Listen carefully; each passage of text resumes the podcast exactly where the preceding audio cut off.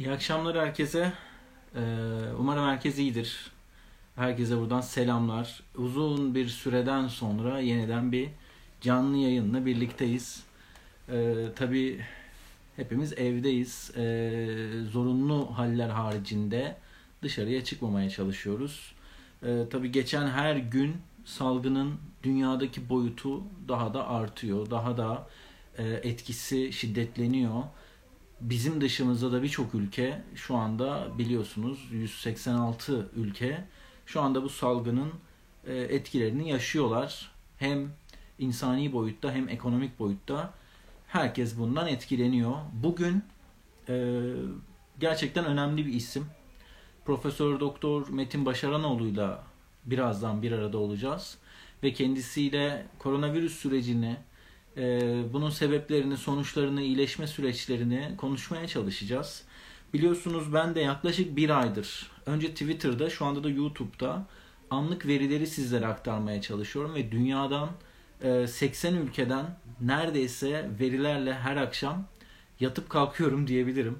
Ee, inanılmaz e, sıkıntılı, inanılmaz etkileyici rakamlar geliyor. Ee, benim de psikolojimi etkilemeye başladı tabii ki. Sonuçta ben yayına başladığımda henüz 250 bin civarı vaka vardı dünyada. Maalesef bugün 10 e, katını geçti. Yani 2,5 milyona doğru gidiyoruz. 2-250 e, seviyesini geçti. Sadece Amerika'da, sadece New York'ta, New York eyaletinde bugün itibariyle 240 bini aşkın vaka var. E, hatırlatayım New York 19,5 milyonluk bir eyalet ve asıl New York City denen merkez mahallelerde neredeyse Amerika'nın %30'una yakın vaka burada toplanmış durumda. Nüfus yoğunluğu, şehirleşme ve hepimizin içinde bulunduğu tabii ki e, bu sistem içinde özellikle bu virüsün çok daha hızlı yayıldığını görüyoruz ve her zaman konuşuluyor. Bağışıklık sistemi, doğru beslenme, dengeli beslenme burada gerçekten çok ayırt edici bir noktaya getiriyor. Vücudumuzu güçlü tutmanın yolunun endüstriyel ürünlerden değil, gerçek gıdalardan geçtiğini bugün bu süreçte bir kere daha görmüş olduk. Ee, hep zararları soruluyordu ürünlerin. Tabii ki günden güne hemen bugünden yarına zararlarını anlatmak, göstermek çok zor ama işte mesela böyle bir salgında dünya çapında şu anda hem gıda güvenliğinin önemini hem de e, endüstriyel gıdaların hayatımıza etkilerini görmüş oluyoruz. Bugün bağışıklık sistemi güçlü olmayan bireylerin maalesef e, bu süreçte çok ciddi sıkıntılar yaşadı ve hatta hayatlarını kaybettiğini biliyoruz. Sözü çok uzatmadan Metin Hoca'yı yayına alayım. Ondan sonra tabii ki konuşacak çok fazla konu var. Rakamlardan da bahsedeceğiz, verilerden de bahsedeceğiz. E, Metin Hoca'nın anlatacaklarını can e, kulağıyla dinleyeceğiz tabii ki. Kendisi e, bu konuda gerçekten çok önemli çalışmalar yapmış, önemli eserleri de olan bir hocamız. Şimdi kendisini ben davet edeceğim ve sonrasında da yayına alacağım. Şuradan hemen ayarlayalım.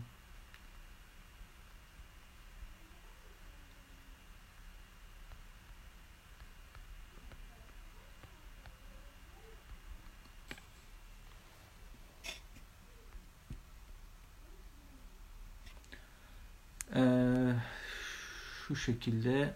Evet bu arada şeyi de söyleyeyim. E, siz şu anda bize bu canlı yayın üzerinden sorularınızı gönderebilirsiniz. Lütfen sorularınızı e, iletin. Yayının sonuna doğru da Metin Hoca'ya da aktarmaya çalışacağım. Evet şimdi Metin Hoca'yı Metin Başaranoğlu'nu yayına alıyorum. Kendisine davet ettim. Hocam iyi akşamlar. İyi akşamlar. Nasılsın? Hoş geldiniz. Teşekkür ederim. Sizler nasılsınız? Sağ ol ben de iyiyim. Nazik davetin için de teşekkür ederim. Böyle ben senin teşekkür ederim. büyük kitlelere ulaşabiliyoruz. Harika İnşallah şey. hocam. Çok çok sağ olun. Biz Metin Hoca'yla, Metin Başaranoğlu hocamla Ankara'da önceki sene bir seminerde tanışmıştık. Ee, hatta ben o seminerden canlı yayınlar yapıyordum gıda dedektifi olarak.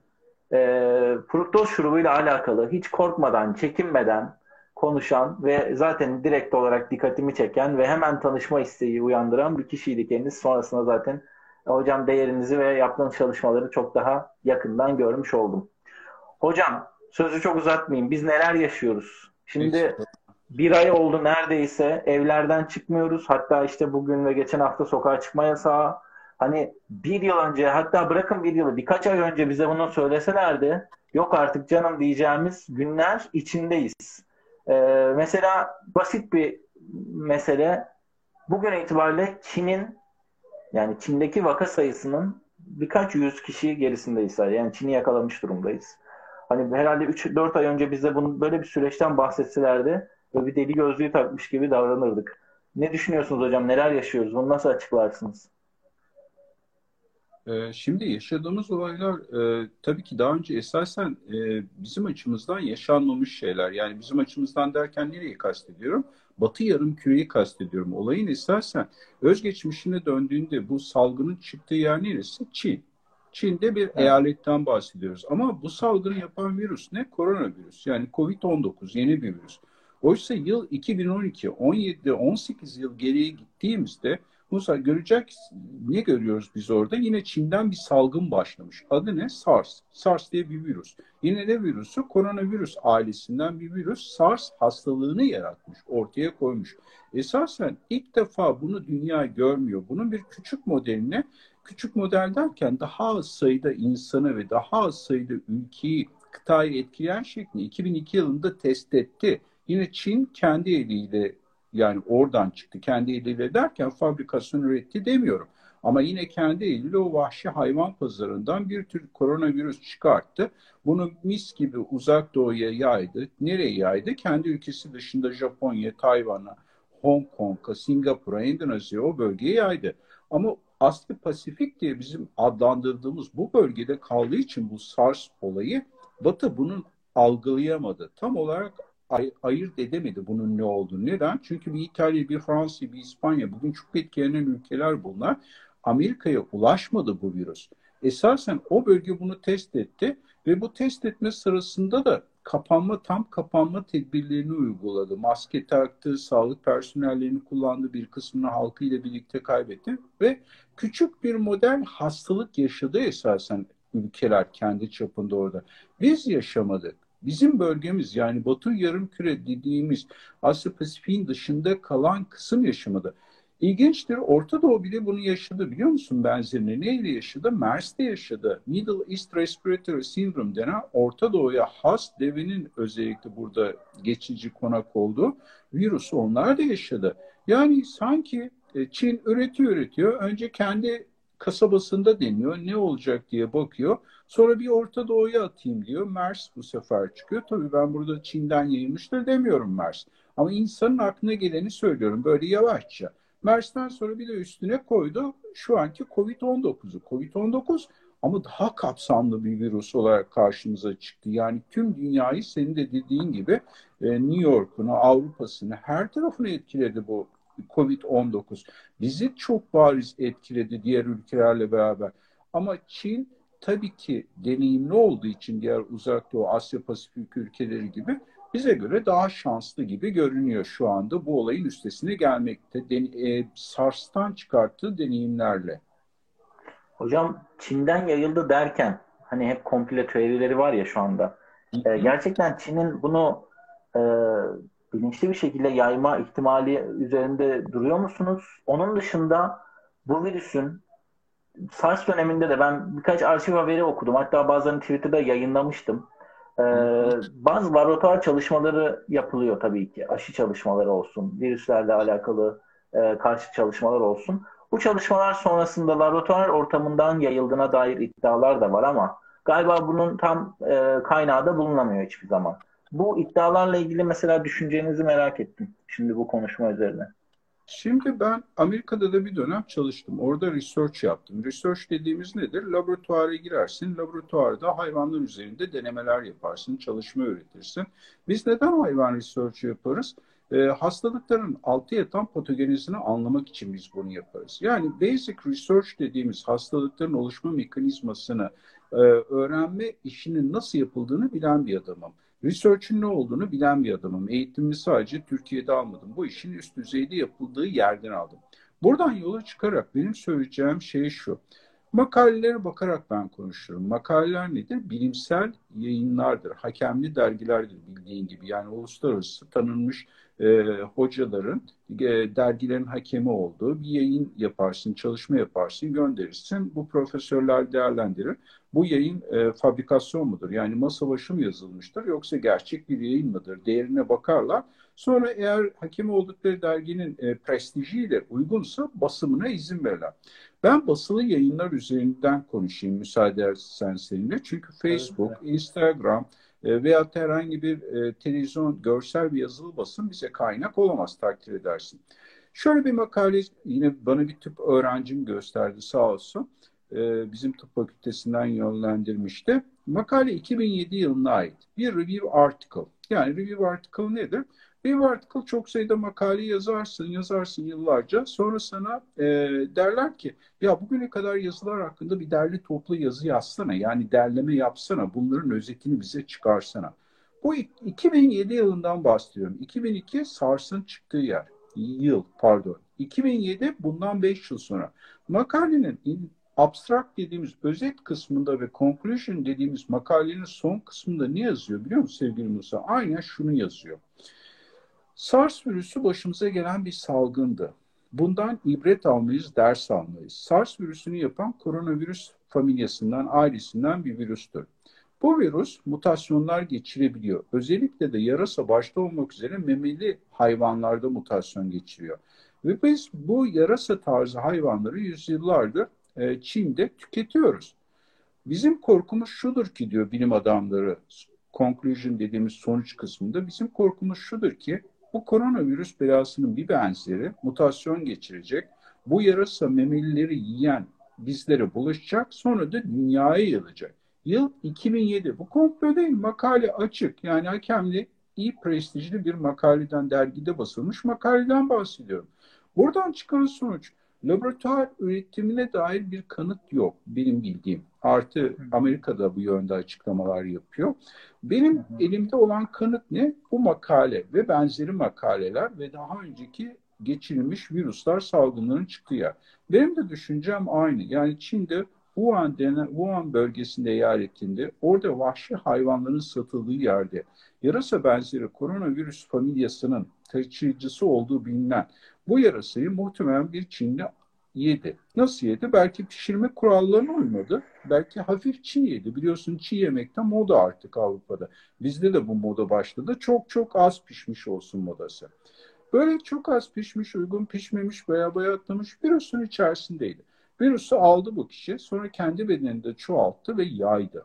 Benim düşüncem aynı. O ilk başta söylenen e, teoriye uyuyor. Tabii ki burada bu vakayı biz indeks vaka diyoruz. Yani bu ilk vakanın bulunması lazım. Ama mümkün değil. Şu anki kaos ortamında herkes başının çaresine bakmaya çalışıyor. İlk vakayı bulmak ne kadar mümkün bilemem. Ama benim de düşüncem bu Wuhan eyaletindeki vahşi hayvan satılan pazardan yenilen yarasa başta olmak üzere bir hayvan koronavirüsün taşıcısı olması lazım yalnız bu hayvanın. O yüzden yarası üzerinde duruyoruz. Yarası uygun olmayan koşullarda büyük ihtimalle yendi. E, yiyen kişi de hastalığı yaptı. Sonra o da virüsü dünyaya yaydı. Benim de düşüncem bu yönde. Hocam Contagion diye bir film vardı. Hatta ben de bahsettim daha önce de Twitter hesabından. Salgın diye Türkçe'ye çevrilmiş. Çok benzer bir süreci anlatıyor. Tabii biraz farklı bir senaryo da var orada ama çok benzer şeyler var. Yani artık hani bu kadar mı olabilir? Yine 2008 yıllarına aitti yanlış hatırlamıyorsam film. Ee, Yarasa'dan bir şekilde o hayvan pazarından, yani bunları bile gösteriyorlar. Hayvan pazarından bir domuza bulaşıyor. İşte domuzdan, o, o domuzu pişiren aşçıya bulaşıyor. Oradan bir kişiye bulaşıyor ve sonrasında o ilk vaka e, bu şekilde filmin en sonunda ortaya çıkıyor, çıkıyordu. E, tabii benzer bir süreç yaşıyoruz. Yani bir şekilde bu bulaştı, bir şekilde bütün dünyaya yayıldı Söylediğiniz yayınlar tabii ki çok önemli. Ee, o zaman şunu anlıyoruz. Bu yayınların da ışığında ortaya çıkmış bazı e, iddia mı demeliyiz veya bazı kanıtlı iddia mı demeliyiz var ama herhalde bu dünyadaki kasırga bittikten sonra bu işler konuşulmaya başlayacak gibi duruyor. Şu an herkes can derdinde gerçekten. Ee, hocam dün Çin'de 1200 küsür ölüm vakası rapor edildi. Hatta ben anlık veri akışında bunu yayınladığımda birkaç takipçim yanlış yazdınız herhalde dedi. Yani çünkü Çin'de biliyorsunuz artık son haftalarda hep 30 vaka, 40 vaka, 50 vaka. Bugün de 20 vaka açıklandı ve ölüm açıklanmıyor. Çok nadir yani birkaç ölüm. Şu anda hatta ben e, aktif vaka sayısı açıklıyorum. Yani iyileşenler ve ölümler haricinde kalan mevcut hastalar. Çin'de şu anda rakam 400. Bitti sayılabilir yani Çin'deki vakalar neredeyse. Onları da iyileştirmeye çalışıyorlar ama dünkü bu 1200 ölüm şöyle açıkladılar. Daha önce rapor edemediğimiz, işte hastanelerde kargaşadan dolayı rapor edemediğimiz, evlerde bulunan, o da ilginç geldi. Yani evlerde yeni bulundu belki de topluca bunlar rapor edildi. 1230 ölüm hocam. Çin'in rapor etmediği veya diğer ülkelerin rapor etmediği kargaşadan dolayı veya işte bu söylediğimiz sürecin ani bastırmasından dolayı ülkeler olabilir mi sizce? Çin başta olmak üzere bununla ilgili de çok ciddi e, çünkü konuşulan konular var. E, bu konuda nasıl bakarsınız? Çünkü sayı zaten gittikçe artıyor. E, şimdi Çin zaten baştan beri bu e, salgını nasıl oldu da bu kadar küçük kayıpla e, kapattı diye hep bilim dünyasının kafasında soru işareti vardı ve Çin'in burada açık politika izlemediği rakamları gizlediği üzerinde duruluyordu. Belki de Çin doğruyu söylüyor. Kayıt edilmemiş vakaları e, işledi. Belki de Çin Batı'yı memnun etmek için vaka sayısını bir parça yükseltti. Şimdi biz Batı'ya gelelim. Çin'i bir kenara bakalım. Datalarına çok güvenmiyoruz. Ama uyguladığı tedbirler SARS'tan edindiği deneyim muhteşemdi. Yani tam kapama, evet. kapama tedbirleri uyguladı. 80 küsür gün uyguladı. Sadece o değil. Hong Kong uyguladı, Tayvan uyguladı, Japonya'sı uyguladı ve çok iyi götürdüler süreci. Çünkü deneyimlemişlerdi. Bir dönem bunlar hemşire, doktor ve vatandaşını kaybetmişlerdi. Batı'ya dönelim. Bugün yine senin de dikkatini çekmiştir. İngiltere'de 7500 kadar nursing home denen yani huzur evleri Türkçesine çevirebileceğimiz ölümden evet. bahsediliyor. Yüzlerle aşan rakamlarda İtalya'nın çeşitli bölgelerinde yine bu huzur evlerinde Covid pozitif vakaların olduğu İtalyan jandarmasının bu huzur evlerine giden yolları kestiği, buraları karantina aldığı söyleniyor. Kanada hükümeti başkanını Kanada'da 100 küsür Covid vakası bir huzur evinde çıktığı için e, soruşturma başlattığı söyleniyor. Olay ne biliyor musun? Yıllar öncesinde aşırı bir sıcaklar olmuştu hatırlarsan Avrupa'da ve Fransa'da yaşlılar huzur evlerinde kendi hallerine bırakılmışlardı. Yeterli sıvı ve destek verilmediği için yaşamları için gereken e, ölmüşlerdi. Bu seferki olay biraz daha korkunç. Hani o seferki sıcaklar vardı, seni yani oradaki huzur evini bakıcılarını etkilemiyordu takdir edersin yaşlı insanları daha uygun koşullarda yaşatabilirlerdi ve Fransa çok eleştiri aldı yaşlı nüfusu. Hocam Fransa'da 4600 üzerinde huzur evinde ve e, kayıp var bu arada. Güncel rakam. Hatta 4600'ü de geçti. Benzer bir süreci şu anda da yaşıyorlar. Hatta Fransa geçen haftaya kadar bu kayıpları bildirmemişti. Yine evet. toplu bir kayıp bildirimi oldu. Çok ciddi tepkiler geldi. Hala şöyle açıklıyorlar orada vakaları. Hastanelerde ölenler bir de huzur evlerinde ölenler. Bu huzur evlerinde ölenler hastaneye gitmiyorlar. Yani orada yine dediğiniz gibi benzer şekilde biraz da kaderine bırakılmış haldeler. Amerika'dan da dün yine haber geldi. Bir huzur evinde bir ihbar üzerine Amerika polisi gidiyor. Ee, bir ihbar üzerine gidiyor ve 17 e, orada ölüm tespit ediliyor o huzur evinde ve hemen karantinaya alınıyor. Yani çok şükür bizde bu yönde çok çok şükür yani herhangi bir haber yok. Hatta ben bunu geçen hafta e, tweetlemiştim. Yani bir öyle bir rapor var mı elimizde diye ama sanırım ki yok ve inşallah olmaz. Ama Avrupa'nın birçok kentinde ve Amerika'da bu dikkat çektiğiniz şey bayağı ciddi kritik sayılara ulaştı. Ölüm verilerine ulaştı. Çok yüksek rakamlardan bahsediyoruz. Yani e, oradakiler yaşlı insan. Zaten baktığımızda biraz sonra daha fazla daha geniş konuşuruz. Ölümler 65 yaşından sonra oluyor kronik hastalıkları evet. olanlarda oluyor. Huzur evindekiler zaten vulnerable yani çok e, hassas, kristal vazo gibi insanlar. Her an bir şeyden etkilenip kırılabilirler, yaşamlarını kaybeder, kaybedebilirler.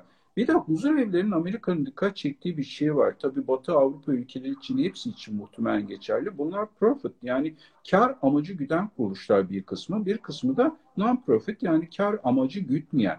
Buradan çıkan sonuç ne? Bunların kendi olanakları sınırlı. Hani koruyucu ekipman diyoruz ya sağlıkçılar için. Acaba huzur evinde bakanların, bakıcıların ne kadar koruyucu ekipmanı vardı? Maskesi vardı, tulumu vardı, eldiveni vardı. Tabii ki onları hiçbir şekilde bu mazur göstermez.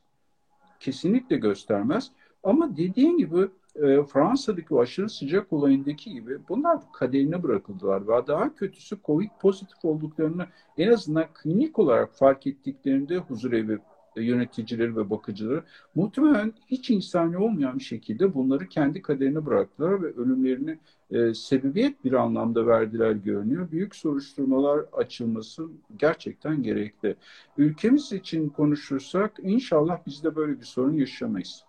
Hocam orada tabii Fransa'da e, ve Amerika'da da var bu. Zaten Amerika'daki sağlık sistemi siz daha iyi biliyorsunuz. Yıllardır konuşuyor. Yani ta Obama zamanından beri bu sağlık reformu bir türlü yapamıyorlar ve e, hani biz hep böyle büyük görüyoruz bu ülkeleri. Evet üretim anlamında çok büyük ülkeler tabii ki ama e, iş sağlığa geldiğinde biz bugün Türkiye'de çok farklı bir konumda daha güvenilir bir kabuk içinde olduğumuzu görmüş olduk. Bu aslında benim ve birçok insanın da e, topluma ve e, hani ülkeye olan güvenini arttıran bir durum oldu. Çok çok iyi oldu hepimiz için. İnşallah bu sınavdan daha da iyi bir sonuçla ayrılacağız. Öyle bir görüntü var.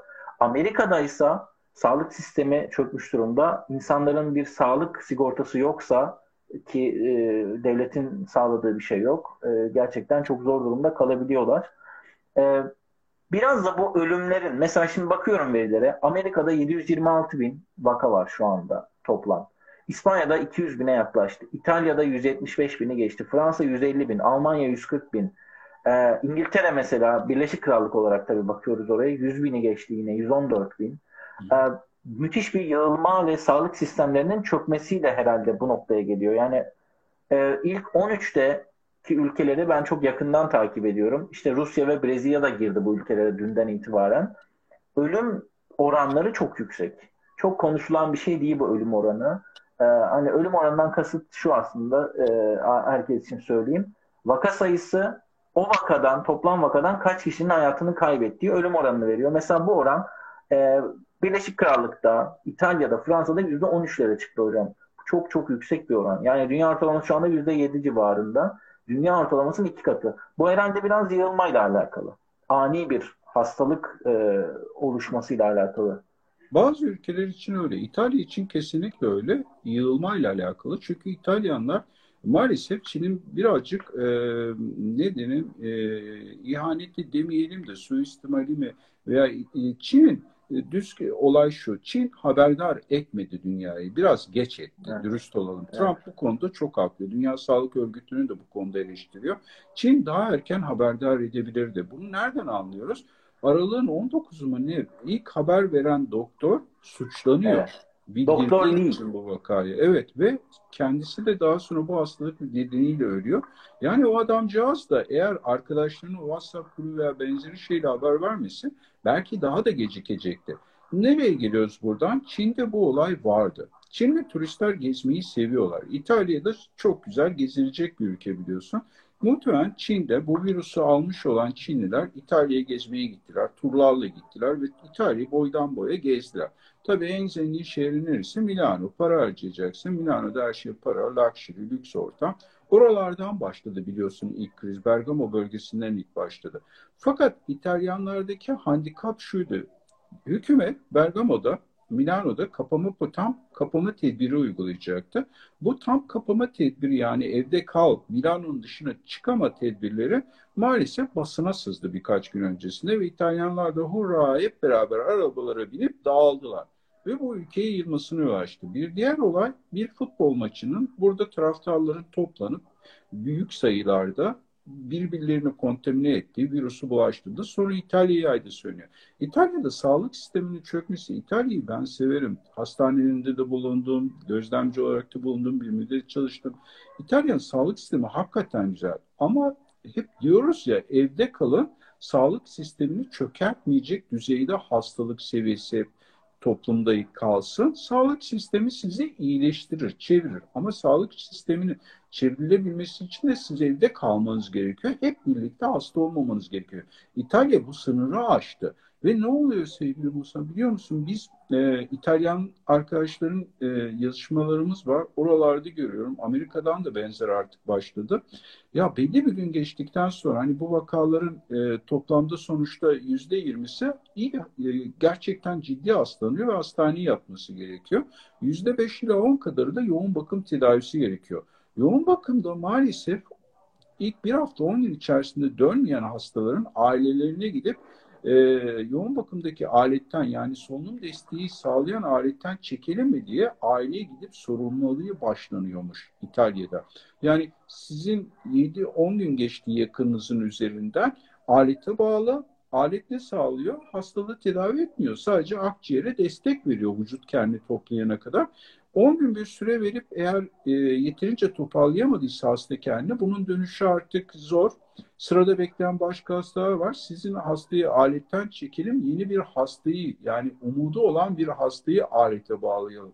Bu yüzden İtalyan sisteminde fazla hasta gelince birdenbire alet yetmeyince fişten çekmeler affedersin tabiri caizse çok özür diliyorum dinleyicilerimizden bir nevi ötenazi olayı başladı ve bunlar ölüm sayılarını, ölü sayılarını artırdı diye ben düşünüyorum. Bizim yazışmalardan benim öğrendiğim meslektaşlarımdan İtalya'daki. Yani ölüm sayıları o yüzden yüksekti. Neden? Çünkü hasta çok geliyordu. Yoğun bakım ventilatör ihtiyacı, makine ihtiyacı çok oluyor. Solunum cihazına bağlanma ve makinede 7 gün 10 gün geçtikten sonra ailelere gidip çekelim deniyordu. Bunlar da tabii ölümü artırıyordu. İngiltere'nin yaptığı hata neydi? Sürü psikolojisi diye başladı. Maalesef başbakan sonuçta bir nebze bizim kanımızda da taşıyor. O da hastalandı. Maalesef evet, o sürü psikolojisi evet. onların başına bela oldu. Ee, Belçika'da da bu o sürü psikolojisi meselesine İngiltere'de bir bilim kurulu mu aldı bu kararı? Bilginiz var mı onunla ilgili? Yoksa siyasilerin aldığı bir karar mı? Oradaki olay şu. Bilim kurulları da biliyorsun sonuçta e, insanlardan oluşuyor bizim gibi. Ve bu insanlar bir masanın başında oturuyor. Atıyorum 8 kişi olur, 10 kişi olur, 30 kişi, 50 kişi olur. Bunlar oturuyorlar masanın başında think tank yapıyorlar, konuşuyorlar. Farklı farklı fikirler ortaya çıkıyor. Bir kısmı yok canım olmaz bu ilkellik sürü aşılaması olur mu? Böyle bir şey yapmayalım diyor. Bir kısmı da hayır e, sürü aşılaması yapalım. Nasıl eninde sonunda bu toplumun yüzde yüzü enfekte olacak. Çok bulaşıcı bir virüsten bahsediyoruz. O zaman herkes geçirsin, ekonomimizde hemen açılım deniyor. Yani bir nevi doğal seleksiyona bırakalım. Yani virüsle herkes enfekte olunca yaşayan yaşar, kalan kalır, kalmayanlar da ölür e, olayına gitmişler bunlar.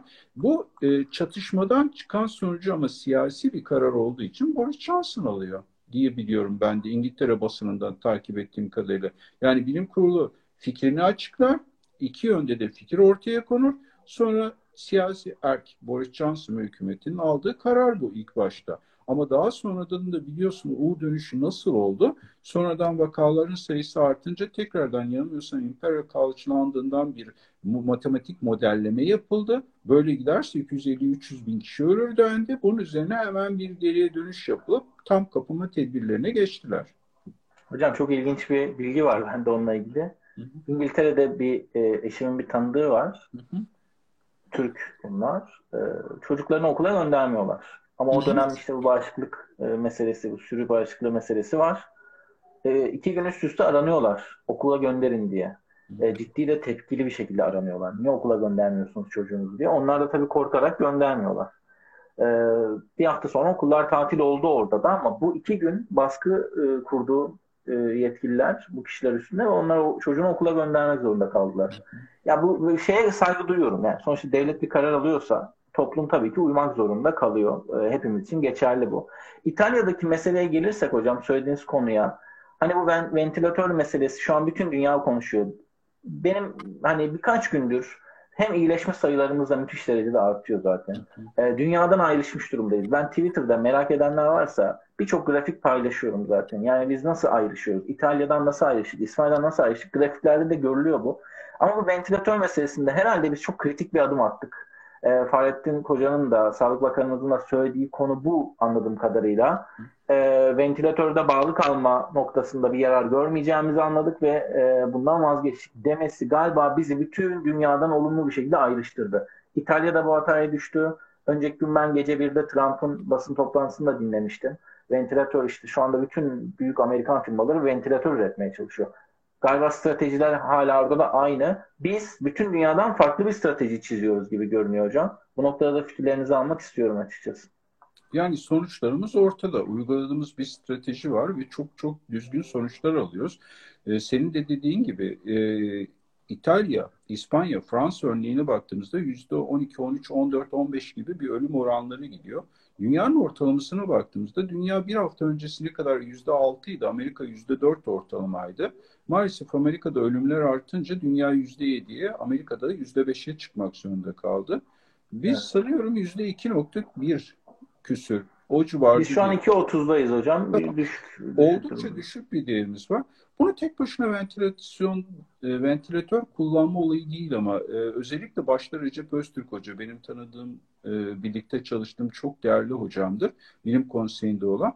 Onların çabaları e, ilaç kullanma, ilaç seçimleri, ne zaman verelim, hangi aşamada verelim, e, yani zamanlaması e, tabii ki ilaç derken ortada yüzde yüz ispatlanmış bir ilaç yok etkinli olan. Ama ilaç ve ilaç kombinasyonlarının özellikle zamanlanması bu ilaçların daha önceden devlet tarafından depo edilmiş olması ileride kullanılabileceği Hocam bu büyük bir strateji değil mi aslında? Evet. Önemli bir strateji yani. Yani başına ventilatör değil. O belki en son ama başta özellikle bu stratejiler çok çok başarılı oldu. Bilim Konseyi Bakanlık hakikaten harikulade bir iş yaptı. Bunun sonucunda rakamsal olarak görüyoruz zaten. İçimiz daha... Rakamları ben e, merak edenler varsa tabii Twitter'dan takip etmiyor, etmeyenler varsa söyleyeyim. E, biz e, özellikle son 5 e, gündür 4700'den yani 14 Nisan'da hocam 4700 iken iyileşen sayımız bugün 10.400'e ulaştı. Yani e, sadece 5 günde iki katına çıktı iyileşen sayısı ve gittikçe de hızlanan bir grafik var. Gittikçe de yukarı giden bir grafik var. E, ben şeye aslında benzettim biraz bu süreci. Trump hep diyor ya gizli bir düşmana karşı savaşıyoruz. Bir dünya savaşı var gibi ortada. Bütün dünya da kimle savaştığını da bilmiyor. Yani virüsü kastederek söylüyorum. Biz galiba bu savaşta doğru stratejiyle savaştık. Hani tarihimizde de çok ciddi e, böyle bizim doğru stratejik savaşlarımız vardır e, herhalde bugünün şartlarına uygularsak bizi galiba strateji bu boyuta getirdi. İşte bilim insanlarının bu noktada koydukları, e, attıkları adımlar bence çok önemli e, diye düşünüyorum hocam. E, hocam bir de e, tabii şeye bakarsak sizce hala yayılmaya devam ediyor mu hastalık? Yani evet sokağa çıkmıyoruz, e, izolasyonu tamamen sağlamaya çalışıyorlar. Mesela Amerika'da iç hat uçuşları devam ediyor. Dün baktım e, radardan bütün Amerika sanki New York'taki hastalığı bütün Amerika'ya yaymaya çalışıyorlar gibi hissettim. Yani zaten orada New York ve New Jersey'de sıkışmış bir yoğunluk var. Hani orayı izole edip kapatmak yoluna giderken mesela o verileri de hemen söyleyeyim merak edenler için. Bugün New York'ta şu an itibariyle 233 bin vaka var toplam. New Jersey'de 81 bin vaka var. Onun dışındaki bütün eyaletler 30 bin ve altı. Yani 50 eyaletin neredeyse tamamı 30 bin ve altı çok çağı düşük olan eyaletler de var. Ama iç hatlar devam ediyor. İşte çeşitli uçuşlar durmuyor. İşte ekonomiyi açmak üzere iki gün önce bir üç aşamalı plan hazırladılar. Ne düşünüyorsunuz hocam? Yayılmaya devam edecek mi sizce bu süreçten sonra yoksa bir yerden sonra duracak mı? Şimdi konuşmaların içerisinde 3-4 yer birden var açıklanabilecek. Birincisi istersen kalabalıktan başlayayım ee, en basit dinle. Şimdi New York kalabalık diyoruz, New Jersey kalabalık diyoruz ve bu yüzden burada hastalık fazla yoğunlaştı diyoruz. Bunu Trump da bu şekilde açıklıyor. Onun e, enfeksiyon komite başkanı Anthony Fauci de böyle açıklıyor. En önemlisi New York valisi Cuomo da böyle açıklıyor açıklamalarında. Şimdi sana başka bir örnek e, ülke vereyim. Bak nasıl farklılık var. Hong Kong. Hong Kong küçücük bir bölge ve çok yoğun sıkışık bir nüfus var. Ama gel gör ki New York'un başına gelen Hong Kong'un başına gelmiyor. Neden? Çünkü Hong Kong o SARS deneyiminden elde ettiği tam kapama tedbirlerini, maske olayını ve diğer izolasyonları tam uyguluyor. Esasen burada kalabalık olmak nüfusu bir yere kadar etkiliyor hastalığın bulaşmasında. Sen eğer tam kapama tedbirlerini erken alırsan Hong Kong'un yaptığı gibi bizim yaptığımız gibi ve o izolasyonları sağlayabilirsen tabii ki enfeksiyon fazla yayılmıyor. Amerika'nın sorunu Tabii ki sıkışık nüfus da var bunun içerisinde ama özellikle o tam kapama tedbirlerine geç geçmesi. Bu büyük oranda Amerika'da yayılmasını sağladı bir. Diğer soruları unuttum. Onları da tekrarlarsan 2-3 konuda um, Hocam şey aslında şey demek istedim. Yani Amerika'da şu anda ekonomi İç açılıyor. Ha, iç, evet. açı, iç açı uçuşları devam. Yani bunlar yayılma etkileyecek mi sizce Ama, veya Amerika daha toparlamadı ki sevgili Musa. Henüz toparlamadı. Yani şu anda olayın neresinde olduğunu bilmiyor. Yani o düz platoyu çizdiyse bir plato çizdi de o plato tekrar yukarıya da gidebilir. Yani iç hat uçuşları, ekonomik sıkıntılar Hani ben sağlıkçı gözüyle bakabilirim, ekonomist gözüyle bakamam tabii ki. Bir ekonomi işi değil ama şu anda konuştuğumuzda sağlık işi. O zaman benim söylediklerim bir ekonomistin söylediğinden daha değerli olması lazım. Ben derken Dünya Sağlık Örgütü'nü kastediyorum. Amerikan e, Hastalık Kontrol Komitesi CDC'yi söylüyorum ve Enfeksiyon Kontrol Komitesi'nin başındaki insanların sözlerini söylüyorum. Çok erken eğer açarsanız İngilizce'de güzel bir kelime vardı too soon diye yani olabildiğinden erken olmaması gereken kadar erken açtığınız takdirde elde edilen kazanımlarını kaybedecektir diye düşünüyorum. Ki zaten bu yönde de biliyorsun Amerika'da hem Başkan Trump'la hem de valiler arasında bir yetki kavgası bile başladı. Valiler ben açtırmam evet. diyor. Trump ben açtıracağım diyor. Bu kavga da başladı. Yani erken açıyor. Uçuşların devam etmesi de hoş bir şey değil Amerika nezdinde. Amerika'da arkadaşlarım var. Hatta benim erkek kardeşim de şu anda hanımıyla beraber Amerika'da Nevada bölgesinde yaşıyorlar. Yani bölgesel olarak orada sıkıntılar var. New York başta olmak üzere daha büyük eyaletlerde sıkıntı büyük. Yani aciller dolu. Türk özellikle Türk hastaları için söylenen bir şeyi söyleyeyim. Mesela ateşler içerisinde kıvranan bir arkadaşımın orada yakını var. Hastaneye gitmiş, hastane ilaçları vermiş, eve git demiş. Çünkü öncelik bizim kendi vatandaşımıza demiş eğer hastaneyi seni yatıracaksak. Yani böyle ikilemler de var. Amerika aceleye getiriyor. Aceleye getiriyor. Burada da Dünya Sağlık Örgütü'nün şey, söylediği şey eğer aceleye getirirseniz bu işi kazanımlarınızı tekrardan kaybedebilirsiniz diyor. Dikkatli olun diyor. Burada kaybettiğiniz şey de Como'nun New York valisinin dediği gibi insan. Adam ne diyor? Ortada bir realite var diyor. Dün diyor 2000 kişi öldü diyor. 2000 kişi. Bu bunları geri getiremezsiniz diyor. 2000 kişiyi kaybettik diyor. Bunun artmayacağı şu anda aşağı doğru gidiyor. Evet ama erken açarsak artabilir. Bir Avrupa'ya bakalım diyor. Önce bir onlar açsın diyor. Çünkü bizden önce bu krize girdiler. Açsınlar bir görelim dertlerini neymiş. Bak burada da farkında mısın? Hiç Çin'e güvenilmiyor. Çin oysa Wuhan'ı açtı eyaleti ve saldı milleti dışarı diye bir görüntüler servis edildi yazılı görsel basına. Ama kimse güvenmiyor ki muhtemelen Kumo'nun da söylediği New York valisinin İtalya, Fransa, İspanya, İngiltere bir açsın da bir bakalım onlarda hal gidişat nedir biz ondan sonra karar verelim diyor. Ama maalesef Amerika açtı sadece hava yollarını değil plajlarını da açtı biliyorsun. Bugün Florida'yı gösterdi. Plajlar açılmış, sosyal mesafe yok, maske yok, hiçbir şey yok. Yani nasıl e, ayakta kalacağını düşünüyor Amerika. Zaten ne dedim hani hatırlarsan dünya ortalaması bir hafta önce ölüm oranı yüzde altıydı. Amerika yüzde dörttü. Bir hafta sonra Amerika bunu e, 4'ten 5'e çıkarttı. Dünya ortalamasını da 6'dan 7'ye sürükledi. Amerika şu anda lokomotifi olmuş durumda maalesef bu ölü evet. sayısına. Hocam şu anda Amerika'yı eyaletlerle ayrıştırırsak e, her eyaleti bağımsız kabul edersek New York şu anda dünyanın merkezi. 233 bin vakayla. İspanya'dan da fazla. E, ya tabii Çin'deki vaka sayısı zaten artık e, çok da dikkate alınacak noktayı geçti. Yani çok daha farklı vakalar ortaya çıktı çünkü. Ama ben Çin'le alakalı, şimdi yeri gelmişken Dünya Sağlık Örgütü'nden de bahsettik. 2-3 husus var benim dikkatimi çeken. Bir, Çin'in bu sizin de çok önemsediğiniz, bilim insanlarının çok önemsediği virüsün izole edilmesi süreci. Bir haftada yanlış hatırlamıyorsam. Yani e, 7 Ocak'taydı galiba. Çin virüsü izole etmeyi başarıyor ve bütün genetik kodlarını dünyaya yayıyor. Yani dünyaya aktarıyor. Ben bunun çok kritik bir bilgi paylaşımı olduğunu düşünüyorum. Yani biliyorsunuzdur işte İspanyol gribinde e, bir buçuk yıl süren müthiş bir salgın ve milyonlar, 20 milyon yanlış hatırlamıyorsam insanın vefatı. 56 Çünkü o zaman Avrupa'nın üçte biri gitmiş.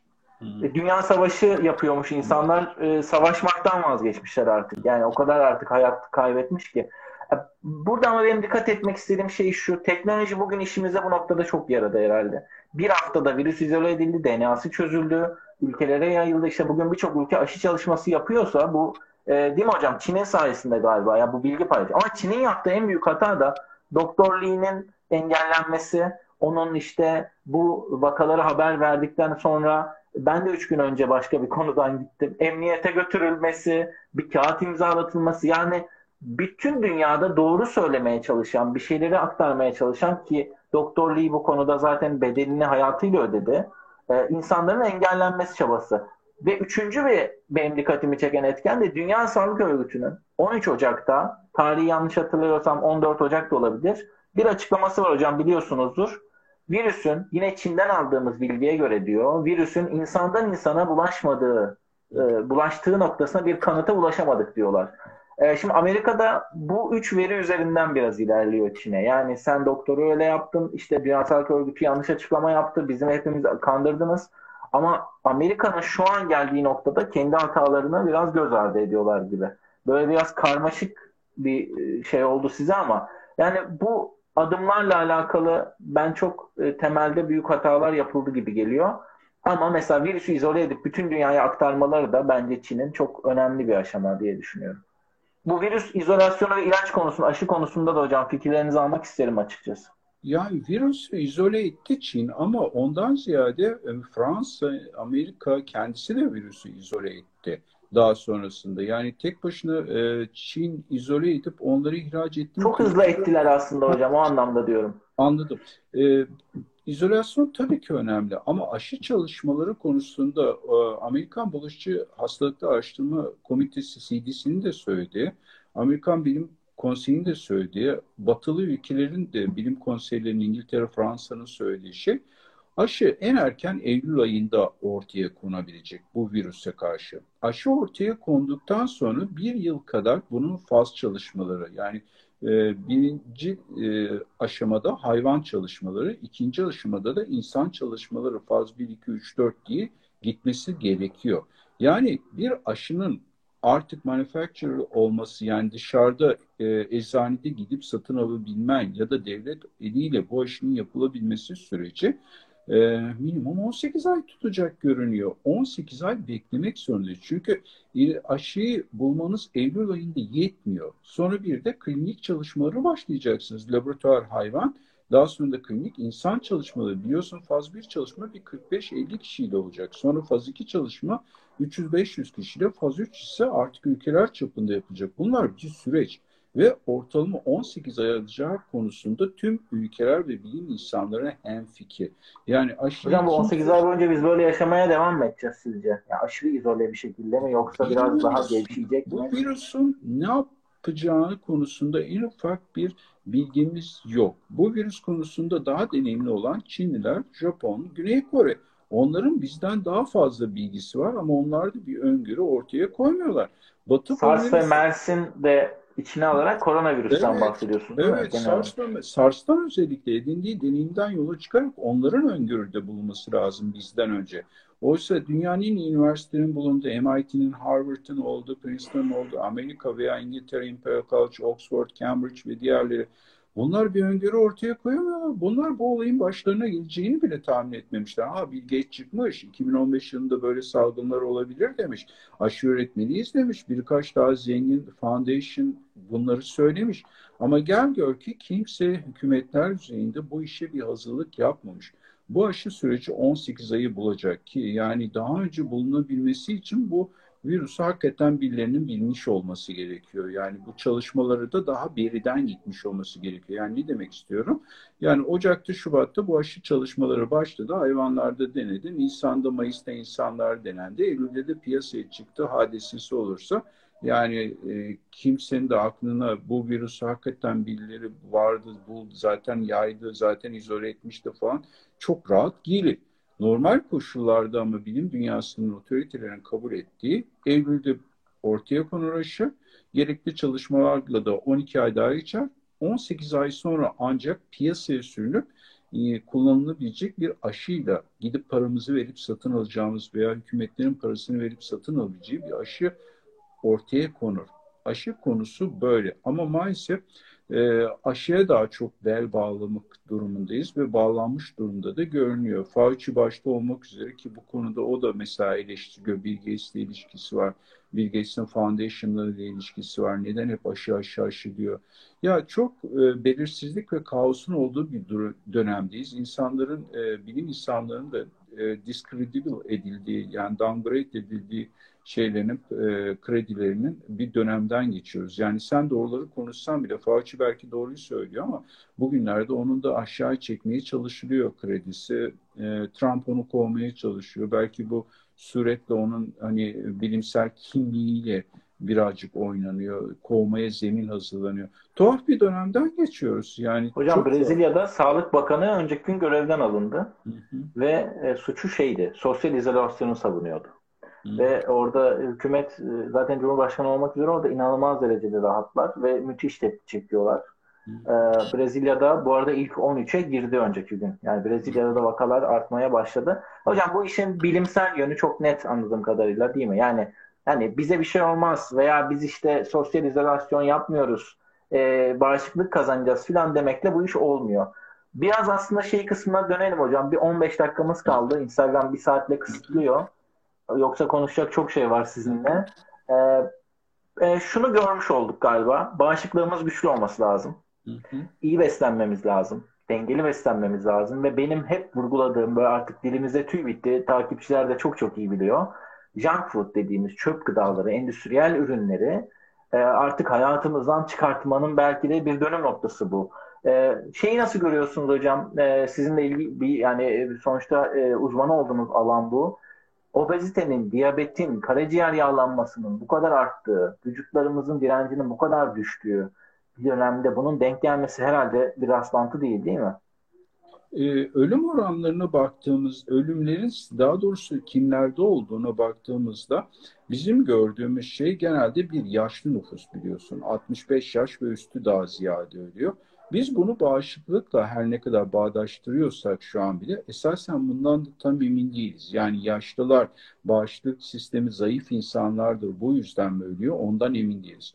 İkinci bir unsur genelde altı iskemik kalp hastalığı, tansiyonu olanlarda bu ölümler daha fazla görülüyor. Mesela e, New York'ta e, yapılmış istatistikler var. The Economist bu hafta içerisinde yayınladı. Evde ölü bulundu vakalarında önceki döneme nazaran 4 kat artış var. 50'lerdeyken atıyorum 200 puana çıkmış bu bildiriler. Ve bunlar da tıpkı huzur evlerinde ölü bulunanlar gibi Covid pozitif yani Covid'in kalbi etkilediğini biliyoruz. Kalp durmasına neden yapıp solunumu durdurup ölüme ulaştığını düşünüyoruz. Yani bir yaşlılık, bağışıklık üzerinden düşünüyoruz ama emin değiliz kesinlikle. İki, iskemik kalp hastalığı ve belirgin kalp hastalığı olanlarda bu ölümlerin yine fazla olduğunu biliyoruz. Bağışıklık tabii ki bir yere kadar önemli ama lütfen şunu unutmayalım. Bağışıklığı güçlendirmek için dünyanın en harika meyvesini, sebzesini tüketseniz bile hani bir ara vardı ya altın pullar yeniyordu. Altın bile yeseniz olmaz. Eğer en güzeli bu mikroba yakalanmamak. Çünkü bu mikrobun şu an ne aşısı var ne de ilacı var bildiğimiz. Evde kalacağız ve bu mikroba yakalanmayacağız. Bağışıklığımızı güçlendirelim. Tabii ki güçlendirelim senin dediğin gibi haklısın. Ne yapacağız? Junk food dediğimiz şeylerden kesinlikle uzak duracağız ki bu ara reklamları çok dönüyor. Özellikle sucuk benzeri işlenmiş etler fazla dönüyor. Şekerli gıdalar dediğimiz çikolatalar ve benzerleri çok fazla dönmeye başladı ve insanlar paketli olduğu için bunlara tabii daha bir güvenle yaklaşıyorlar. Ama bunlar maalesef bağışıklığımızı düşürecek. Neden? Bağırsaktaki mikrobiyatayı kötü yönde devşirecek. O mikrobiyatanın ürettiği kimyasallar da bizim bağışıklık sistemimizin en büyük olduğu organ bağırsaklardır.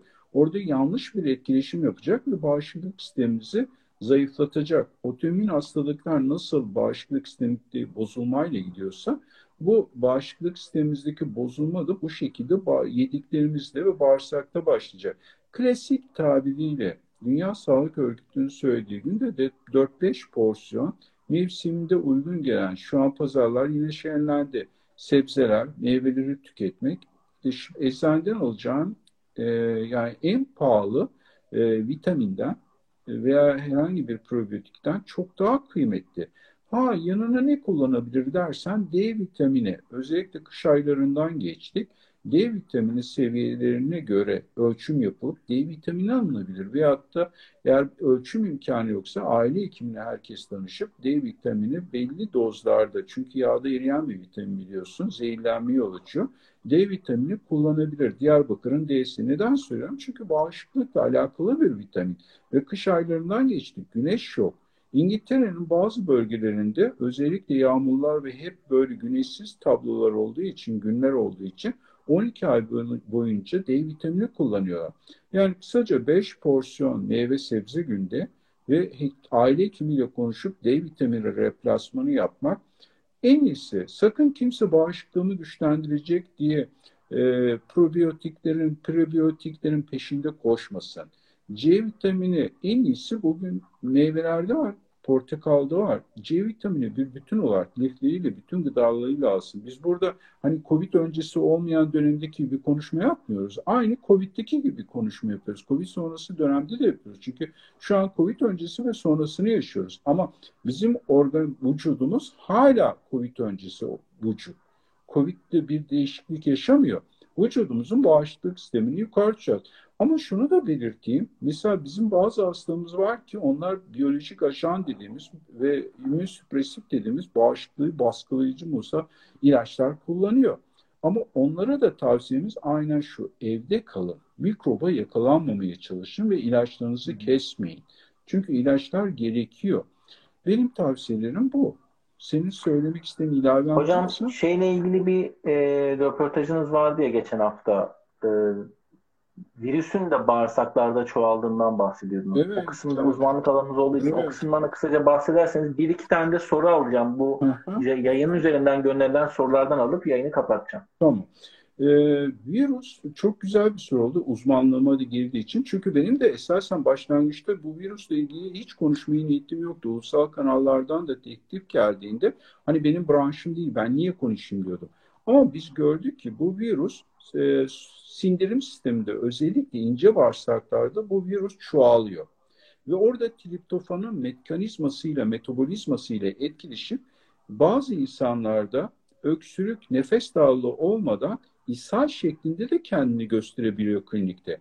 Daha sonra tabii bilim insanları feçes dediğimiz dışkıyı baktıklarında virüsü dışkıda gösterdiler.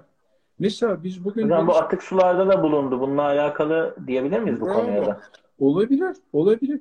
Ama bulaşma ilave edeyim henüz gösterilemedi. Yani oral feçal bulaşma dediğimiz bir tür dizantrilerdeki gibi bir bulaşma gösterilemedi. Ama dışkıda varsa bulaşma da mümkündür. Mesela evcil hayvanları bulaşma biliyorsun bu geçenlerde çıktı. New York'ta bir kaplanda koronavirüs çıktı. Sonra evet. birkaç iki tane kaplan daha şüpheli oldu. Ardından kedi köpek vakaları bildirdi. Mesela onun üzerinde durulan konu ne biliyor musun? Şu Mel Gibson'ın filminde vardır. E, bazen gösterir köpek e, şey bisküvisi vardır. Yarısını kendi yer, yarısını da hayvana verir. Aynı anda yerler.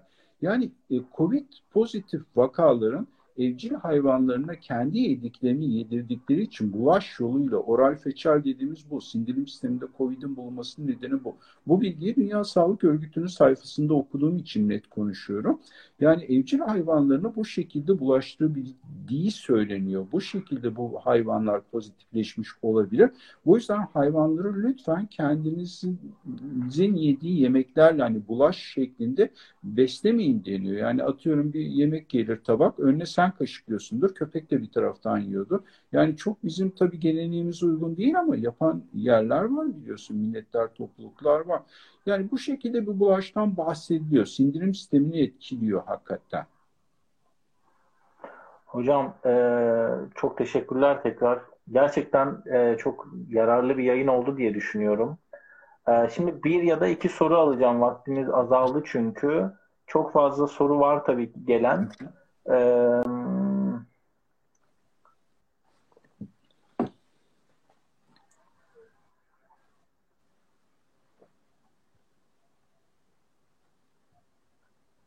Evet, genel olarak aslında konuştuklarımız hocam. O yüzden ben de bakıyorum şu anda. Kron hastalığıyla alakalı bir soru var. Kron hastasıyım. D vitamini eksikliği sorulmuş. D vitamini eksikliği. Bir de hocam şey dediniz ya güneş e, göremedik kış boyunca. Şimdi de yaklaşık 3 haftadır tamamen evlerdeyiz. Bu da önemli bir etken herhalde bu, bu noktada. Hani o D vitamini vurgunuz bence çok doğru ve etkili oldu diye düşünüyorum. Herkes için de yararlı oldu diye düşünüyorum. Evet, yani genel olarak konuştuklarımız var. Farklı bir soru varsa alacağım diye tekrar bakıyorum ama e, sanırım göremedim. Şurada mesela şöyle bir soru var hocam. Görebiliyor musunuz? Görüyorum. Hmm. E, hani ilaçla alakalı olduğu için İlaç Ee, konusuna girmemek çekti. lazım. Doğru değil. Bakanlığın buradaki görüşü şu. Yani hekim e, tavsiyesi olmadan ilaç kullanımı doğru değil. O bahsedilen şeyin de yani e, ne benim söylemem ne de başka birinin söylemiyle almaları kesinlikle doğru değil. Eğer COVID hı. şüphesi varsa nedir bu? Ateş vardır veya yoktur. Çünkü vakaların üçte ikisinde var, üçte birinde yok çeşitli ülkelere göre. Nefes darlığı, sırt ağrısı bazen, bazen ishal şeklinde. Şüpheli bir COVID durumu varsa, özellikle temas varsa artık community transmission denen Türkiye'de kendi kendimize bulaştırır duruma geçtik. Zaten bu yüzden evde kal diyoruz, izolasyon diyoruz. Böyle bir durum varsa o takdirde hemen bir sağlık kurumu, zaten bütün sağlık kurumları açık artık çok şükür. Özellerde, devlette başvuracak, orada testleri yapılacak. Zaten klinik şüphe varsa bile hekimlerimiz hemencecik tomografi çekiyorlar ve ilaç kullanması gerekene sadece o bahsi geçen ilacı değil, adını söylemekten e, e, hani kendimi alıkoyuyorum. E, diğer ilaçları da birlikte kullanıyor. Zaten başarımızın temelinde yatan da bu. Erken tanı, erken tedavi. Diğer ülkelerden bize ayrıştıran Bilim Kurulu'nun ve Sağlık Bakanlığı'nın büyük başarısı. Bu bunun dışında bizim zaten kendimizin yapacağı bir durum değil bu. Bunu da tekrar vurgulamamız lazım. Hocam C vitamini konusunda ne düşünüyorsunuz? C vitamini konusunda C vitaminini konuştuk. C vitamini noktasında da bir fikrinizi C alabiliriz. vitamini çok net yazdım da form sentiyede sorulduğu için bana. C vitamini çalışmaları Çin'de yapılıyor. Hatta Şubat'ta Hı. başladı, Eylül'de sonuçlanacak. Şu an için C vitamininde ortaya konmuş bir şey yok. C vitamini yüksek dozlarda gripte yani bildiğimiz seasonal gripte, normal influenza'da etkili olduğuna dair bulgular var. Ama kesinlikle şu anda COVID-19 için C vitamini faydasının özellikle 8-10 gram ve daha üstü dozlarının faydasını gösteren tek bir çalışma anekdot yok. Bu yüzden C vitaminin yeri yok. C vitamini istiyorlarsa dediğim gibi portakal yesinler biraz önce konuştuğumuz gibi limon yesinler. Ee, onun dışında yeşil sebzeleri de paylaşmıştık hocam biz e, bu Evet. sürecin çok başında. Ee, tabii portakal, limon, mandalina niye önemli? Gramaj olarak işte bir portakal 200 gram. Ama işte bir maydanoz da çok yüksek ama gidip 200 gram maydanoz yiyemeyeceğimiz için e, meyve tüketimi çok daha e, bizim için etkili oluyor. E, hocam çok teşekkür ediyorum. Yani gerçekten konuşacak çok fazla şey var aslında ama e, herhalde genel hatlarıyla e, birçok şeyi de konuşmuş olduk diye düşünüyorum. Soruyu ekrandan alamıyorum ama e, yayında zaten kapanmak üzere. Ekleyeceğiniz bir, e, cümleler varsa hocam alabiliriz. Sonrasında kapatacağım. Ee, Evde kal. Vatandaşlarımıza tek söyleyeceğimiz bu. Hakikaten evde kal. Evde kalmak çünkü tek çözüm. Ee, bu değerli fırsat için sana teşekkür ediyorum. Sayfanı açtın, ulaşabildik kitlelere. Eksik olma. Umarım faydalı olmuştur bu e, konuştuklarımızda. Televizyonlarda söylenenleri, bilim kurulunun söylediklerini e, biz de tekrar etmiş olduk. Onun ötesinde zaten bir şey söylemedik. E, umarım e, bu gelen rakamları daha da güzelleşmiş olarak ileriki günlerde göreceğiz ve en az e, zararla atlatırız bu süreci hep birlikte diye dua ediyorum ben de. Evet yani son 4-5 gündür gerçekten e, rehavete kapılmamak şartıyla iyileşen sayılarının ve e, vakaların artış hızlarının gerçekten artık e, umut verici noktalara geldiğini görüyoruz. E, diğer ülkelerden kötüyüz vesaire gibi söylemlerin çok ötesindeyiz artık. Daha iyi durumdayız inşallah ama e, hocam bizde bitse de dünyada bitmeyecek gibi duruyor. E, öyle hemen öyle 2-3 ay içinde her şeyin bütün dünya genelinde normale döneceğini bekleyemeyeceğimiz bir süreci yaşıyoruz. Ee, tekrar çok teşekkür ediyorum. Herkese e, sizin de tekrar hatırlatmanızla evde kalmalıyız çağrısı yapıyorum. E, pazartesinden itibaren işe gitmek zorunda olanların da kendilerini çok çok iyi izole etmesi. Aman arkadaşım ne der, aman neyse bir şey demeyeyim şimdi değil. Hayır yani tamamen kendinizi aslında şunu düşünerek evde olan eşinizi, çocuğunuzu, dostunuzu, arkadaşınızı, babanızı, annenizi düşünerek e, dikkat etmeniz gerektiğinde ayrıca hatırlatmak lazım. Tekrar çok teşekkürler hocam. İyi akşamlar diliyorum. Herkese izlediği için çok teşekkür ediyorum. Çok sağ ol sevgili. Tekrar hocam görüşmek üzere. İnşallah. Çok çok sağ olun. Sağlıklı günler. Çok Sen çok de sağ olun. sağ ol. Evet. Herkese izlediğiniz için çok teşekkür ediyorum. Ee, ve iyi akşamlar diliyorum. Ee, umarım faydalı bir yayın olmuştur.